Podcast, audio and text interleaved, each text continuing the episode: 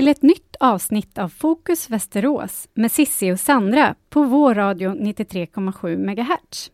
Jag heter Cecilia Eriksson och mitt emot mig har jag min kollega Sandra Fonnisson. Mimer är Västerås största bostadsföretag som dessutom fyller 100 år i år. En del i 100-årsfirandet är att utse århundradets granne där de bästa grannarna nomineras av hyresgästerna själva. Men idag ska det tvärtom handla om störande grannar i vårt program.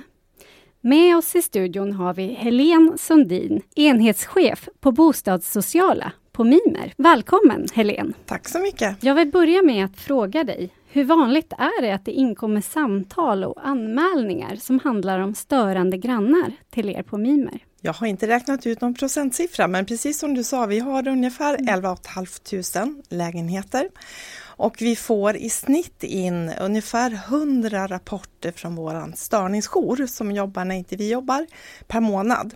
Och Jaha. ungefär 70-80 eh, telefonsamtal till våran serviceanmälan. Så mm. 150 mellan 150 och 200 eh, ärenden per månad kan man säga. Hur har det sett ut då under de här hundra åren? Nu kanske ni inte har mätt det så länge Nej, men... Eh, jag, jag, skulle, jag har jobbat med det här i ja, nästan tio år. Mm. Och eh, de siffror jag har när det gäller våran störningsjour, de ligger på ungefär 100 stycken i månaden. Det kan mm. diffa mm. ett par stycken upp, ett par stycken ner om jag mm. ser år från år. Mm. Eh, hur många vi får direkt in till oss eh, är lite svårt att mäta för vi införde, om vi backar några år så ringde man direkt i sin kvartersfärd mm. och vi har ingen statistik på det. Och okay. nu när jag tittade bakåt så under 2018 så började man märka de här ärendena med störningsärende. Så 2018 har jag inte hela året så jag har tittat på 2019 och sen till dagsdatum. Okay, och då är det ungefär, ungefär 60-70 eh, telefonsamtal in varje mm. månad. Mm. Vad handlar de flesta störningsärendena om? Ja, där ser vi faktiskt en skillnad. Eh, jag ser en skillnad på de senaste tio åren. När jag började jobba med det här, då var de flesta eh, inkommande ärenden handlade om fester, hög musik. Idag är det andra saker som dominerar skulle jag säga. Det är mm. lekande barn, eh, dunsar, bankningar, grannarna drar möbler över golven. Det är klart att vi har en och annan fest eller eh, man spelar hög musik mm. eller tv-spel och sådär men jag skulle säga att det är mycket mer det man, det vi som jobbar med det här i dagligt tal kallar för normala boendeljud som grannar stör sig på. Vad är det för regler som gäller då? Är det okej att dra möblerna över golvet och sådär? Eller? Ja, en gång kan det vara så. Du kanske behöver mm. möblera om. Eh, ja. Eller du drar ut din bäddsoffa varje kväll. Mm. Eh, det får man nog betrakta som normala boendeljud. Mm. För att eh, hyreslagen som vi är tvungna att jobba efter, det mm. är ju en skyddslagstiftning som skyddar hyresgästen. Vilket innebär att vi som fastighetsägare har lite trubbiga verktyg. Vi behöver dokumentera, eh, vi behöver kanske ha vittnen, vi behöver eh, ha konkreta händelser. Om vi ska kunna tala om för en hyresgäst att eh, varna en hyresgäst och säga att om du upprepar det här så kan du till och med få ditt kontrakt uppsagt. Ja, men vad är, det, vad är det rent konkret som man inte får göra, alltså som ni verkligen anmärker på? Mm. Nej men det är klart att, att eh, på nätterna så ska ju människor få sova. Mm. Så även om det handlar om eh, till exempel barn som leker eller spelar fotboll eller något inne så får man kanske räkna med det som granne till en viss gräns men absolut inte på nätterna. Mm. Däremot så är det väldigt svårt att, att få en eh, barnfamilj uppsagd för att hyresnämnderna resonerar som så att det är, en, eh, det är ingenting som är beständigt för evigt utan det är en tillfällig period liksom i barnens liv. Men det är klart mm. att vi pratar med de här hyresgästerna. Sen är det ju alltså fester, hög musik eh, eller gap och skrik eh, på den tiden då vi, ja, vi brukar kalla det för att man ska kunna, alltså normal sovtid. Mm. Det är inte acceptabelt. Eh, men sen är det ju så att en gång eh, ja, det kan hända alla och då kan man få ett varningsbrev eller ett samtal ifrån oss. Och händer ingenting mer sen, nej, men då är det utagerat. Men däremot om man mm. upprepar de här störningarna, då kan det faktiskt sluta med att man blir uppsagd till slut. Okej. Mm. Vi ska prata mer om det här med Helen efter pausen, för nu ska vi lyssna till Avicii, Hey Brother. Varsågoda.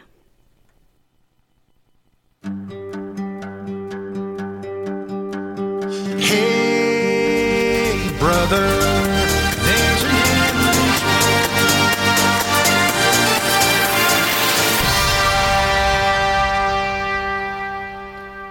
Välkomna tillbaka till studion, där ni lyssnar på Fokus Västerås med Sissi och Sandra.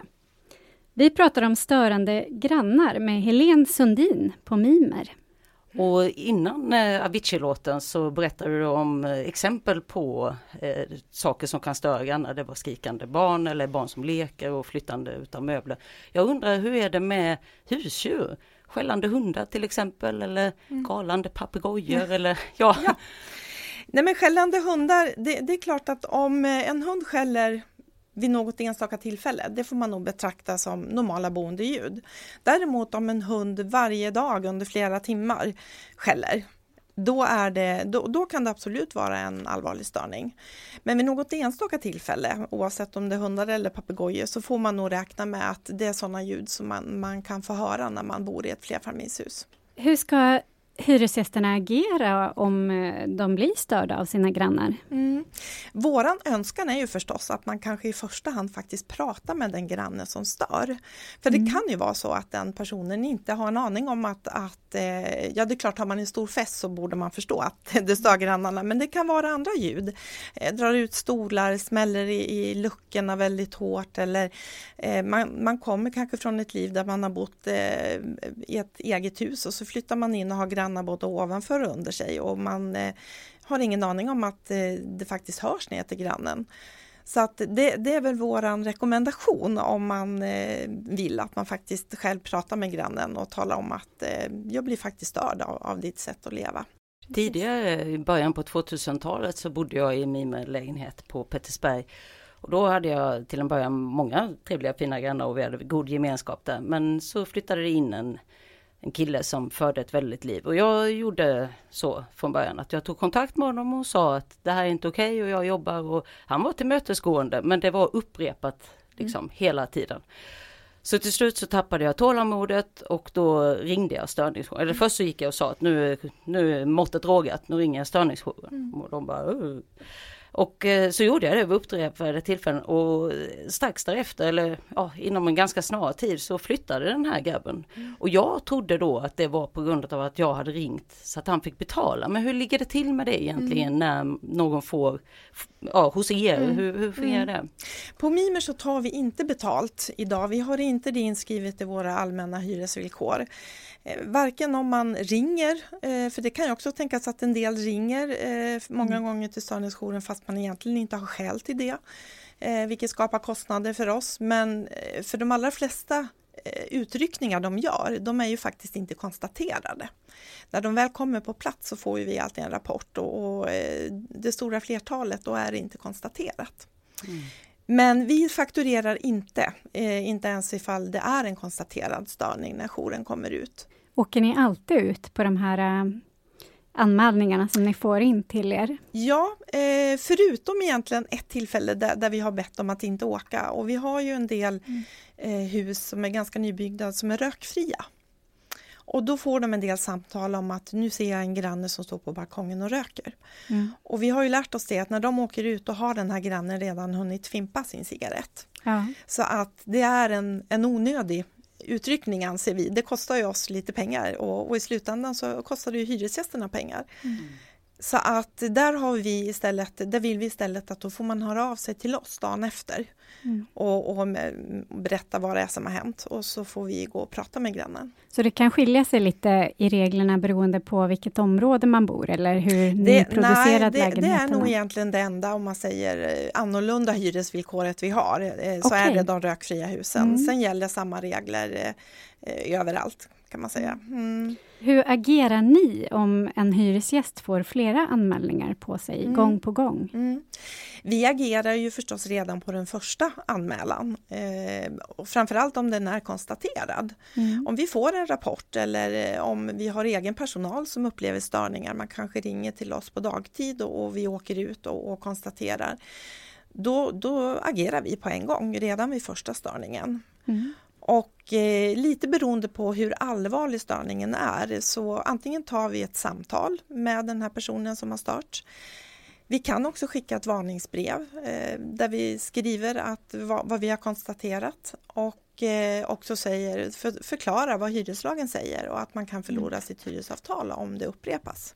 Hur pass långt har det gått innan en person kan förlora sitt hyresavtal? Det är egentligen omöjligt att svara på, för det skulle kunna vara så pass allvarliga störningar som att, att vi har fem allvarliga störningar inom loppet av en vecka och då kan det hända mm. att vi säger upp dem. Men det allra vanligaste är ju faktiskt, vi, vi säger upp kanske mellan en och fem personer varje år, det är inte fler. Eh, många, eh, man, man, kanske har samtal och man inser att det här fungerar inte. De kanske väljer att flytta själva eller att man byter lägenhet. Man kanske bor för trångt till exempel. Eh, eller man behöver bo på nedre botten eller någonting. Eller förhoppningsvis så, så slutar man störa och bo kvar. Men eh, vi agerar på första störningen men eh, det är väldigt sällan som vi säger upp någon efter en störning bara. Mm. Då Eh, det är väldigt intressant. Nu ska vi ta och lyssna på en låt. Eh, vi ska lyssna på Stor, Säga mig.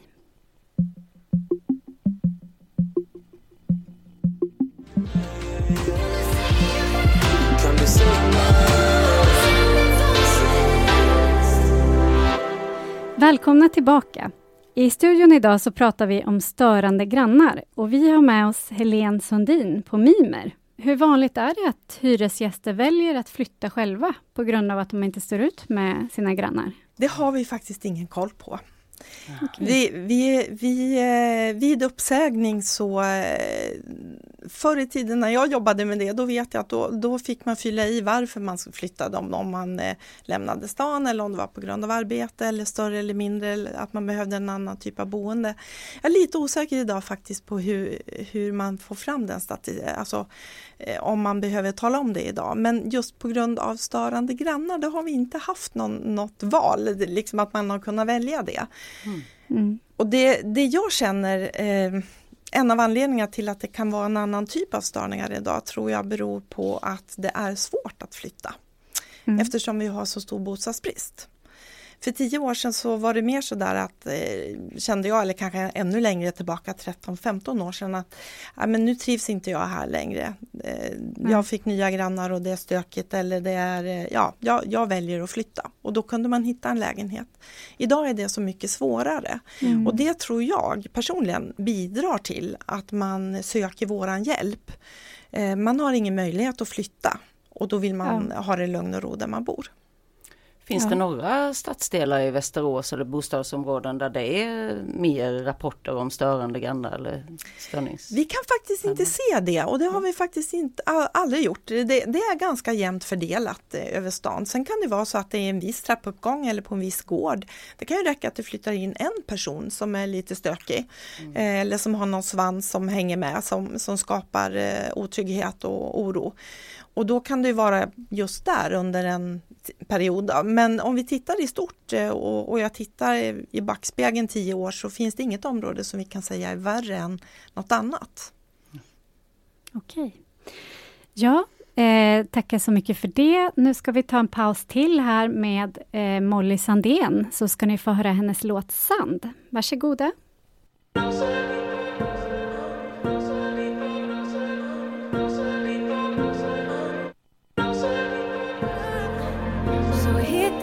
Oss själva någonstans där vi kan börja om starkare imorgon. Välkomna tillbaka till studion. Idag pratar vi om grannar som stör. Eh, och jag tänkte bara berätta att jag bodde i Mimer för flera år sedan och eh, blev störd av en granne som skrek mitt i nätterna.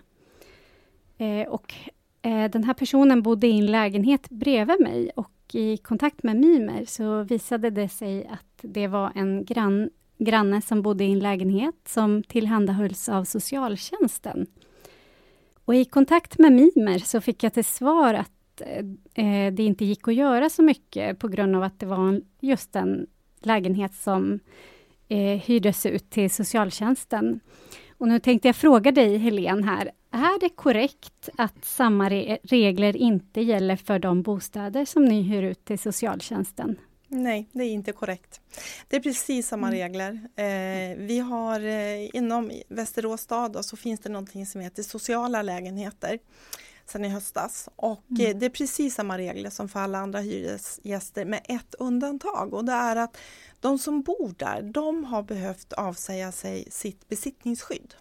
Mm. Och besittningsskyddet är ju väldigt starkt i svensk eh, hyreslagstiftning. Det innebär ja. att om vi som fastighetsägare säger upp en hyresgäst så mm. har hyresgästen ändå rätt att bo kvar tills man har fått det här prövat då i domstol, i mm. hyresnämnden. Okay. Men om man avsäger sig besittningsskyddet så har man inte den rätten. Och den som får ett socialt kontrakt som det heter idag mm. är tvungen att avsäga sig besitt, besittningsskyddet. Så att eh, det är lättare för oss att eh, säga upp ett sådant kontrakt än vad det är att säga upp ett annat kontrakt. Så för oss så är det oftast eh, tryggare egentligen och säkrare att hyra ut till Västerås stad enkelt uttryckt. Mm. kan man säga. För funkar det inte av någon anledning, då har vi mycket enklare att avsluta det avtalet. Mm. Från när börjar det här besittningsskyddet att gälla? Är det direkt eller måste det, det gå ett år? Nej, alltså den som flyttar, så fort du skriver ett avtal eh, med en hyresvärd så har du ett besittningsskydd. Mm. Och, om man inte avsäger sig det? Om man inte avsäger sig det. Och det kan man göra i lite andra fall också. Till exempel om vi ska riva ett hus eller vi ska hyra ut tillfälliga boenden till exempel, vilket vi gör här nu i, i Västerås där, där vi håller på med rotrenovering så hyr vi ut lägenheter som vi kanske behöver om ett halvår. Mm. Hyr vi ut dem tillfälligt mm. och då hyr man ut dem med en månads uppsägning och den som bor där behöver avsäga sig besittningsskyddet. Mm. Men i alla andra fall så, så är det så att eh, en hyresgäst har alltid rätt att få sin sak prövad så att vi kan inte bara säga till någon att nu säger vi upp dig så nu får du flytta. Mm. Gör de det så, mm. ja då gör de det men, men de allra flesta de vill ju då ha en förhandling i hyresnämnden. Mm. Så sociala lägenheter de, de ska också sköta sig precis som eh, alla andra. Eh, och mm. skriker mm. på nätterna, det, det, är också en sån, eh, jag ska inte säga att den är vanlig, men det är klart att det förekommer att vuxna människor, att vi har många som bor hos oss på helt vanliga kontrakt som kanske inte mår så bra. Mm. Ja. Eh, vi ser att den psykiska ohälsan ökar i, i samhället i stort och, och det är klart mm. att många bor hos oss också. En annan fråga är om den som anmäler får vara anonym? Ja, både och egentligen kan jag säga. Ringer man till våran störningsjour eh, så får man mm. inte vara det längre. Eh, utan man får tala om vad man heter och var man bor och det är för att vi som jobbar med det här ska ha någon att återkoppla till. Mm. Eh, Men kommer den, den person som jag anmäler att eh, få reda på att det nej, är jag som har anmält? Vi, nej, vi talar förstås aldrig om det och vi mm. skriver mm. inte det i våran, eh, i de breven, om vi behöver skicka ett varningsbrev så står det att störningsjouren har konstaterat. Okay. Vi skriver aldrig, det, en del ringer förstås och säger att ja det var säkert hon eller han som har ringt och det svarar vi aldrig på utan vi säger vi har, våran störningsjour har fått samtal och de har åkt ut på plats. Eh, för inte så länge sedan, ett halvår ungefär, så kunde man vara anonym och då mm. kände vi ibland, ibland vi kunde få 5, 10, 20 rapporter och vi hade ingen aning om vem är det som har ringt. Det var aldrig Nej. något konstaterat, vi hade aldrig någon att återkoppla till. Så vi mm. kände att vi, mm. vill, vi vill veta vem det är som har ringt så att vi eh, på Mimer kan ringa till någon, mm. eh, ringa till den här personen. Men det är ingenting förstås vi lämnar ut. Nej, precis. Mm. Ni har lyssnat på Fokus Västerås med Sissi och Sandra och vi har haft med oss Helene Sundin från Mimer här. Vi är Stort jätteglada. Tack, tack så mycket. Fokus Västerås hör du varannan måndag. Ni kan även lyssna på repriser av programmen på vår podd på Acast. Där heter vi Fokus Västerås med Sissi och Sandra, precis som på Facebook och i eten. Nästa avsnitt av Fokus Västerås med Sissi och Sandra hör du måndagen den 14 december klockan kvart över sju på morgonen. Då har vi jul och säsongsavslutning, så häng med då! Kom ihåg att lyssna på Fokus Västerås, din trogna vän i eten.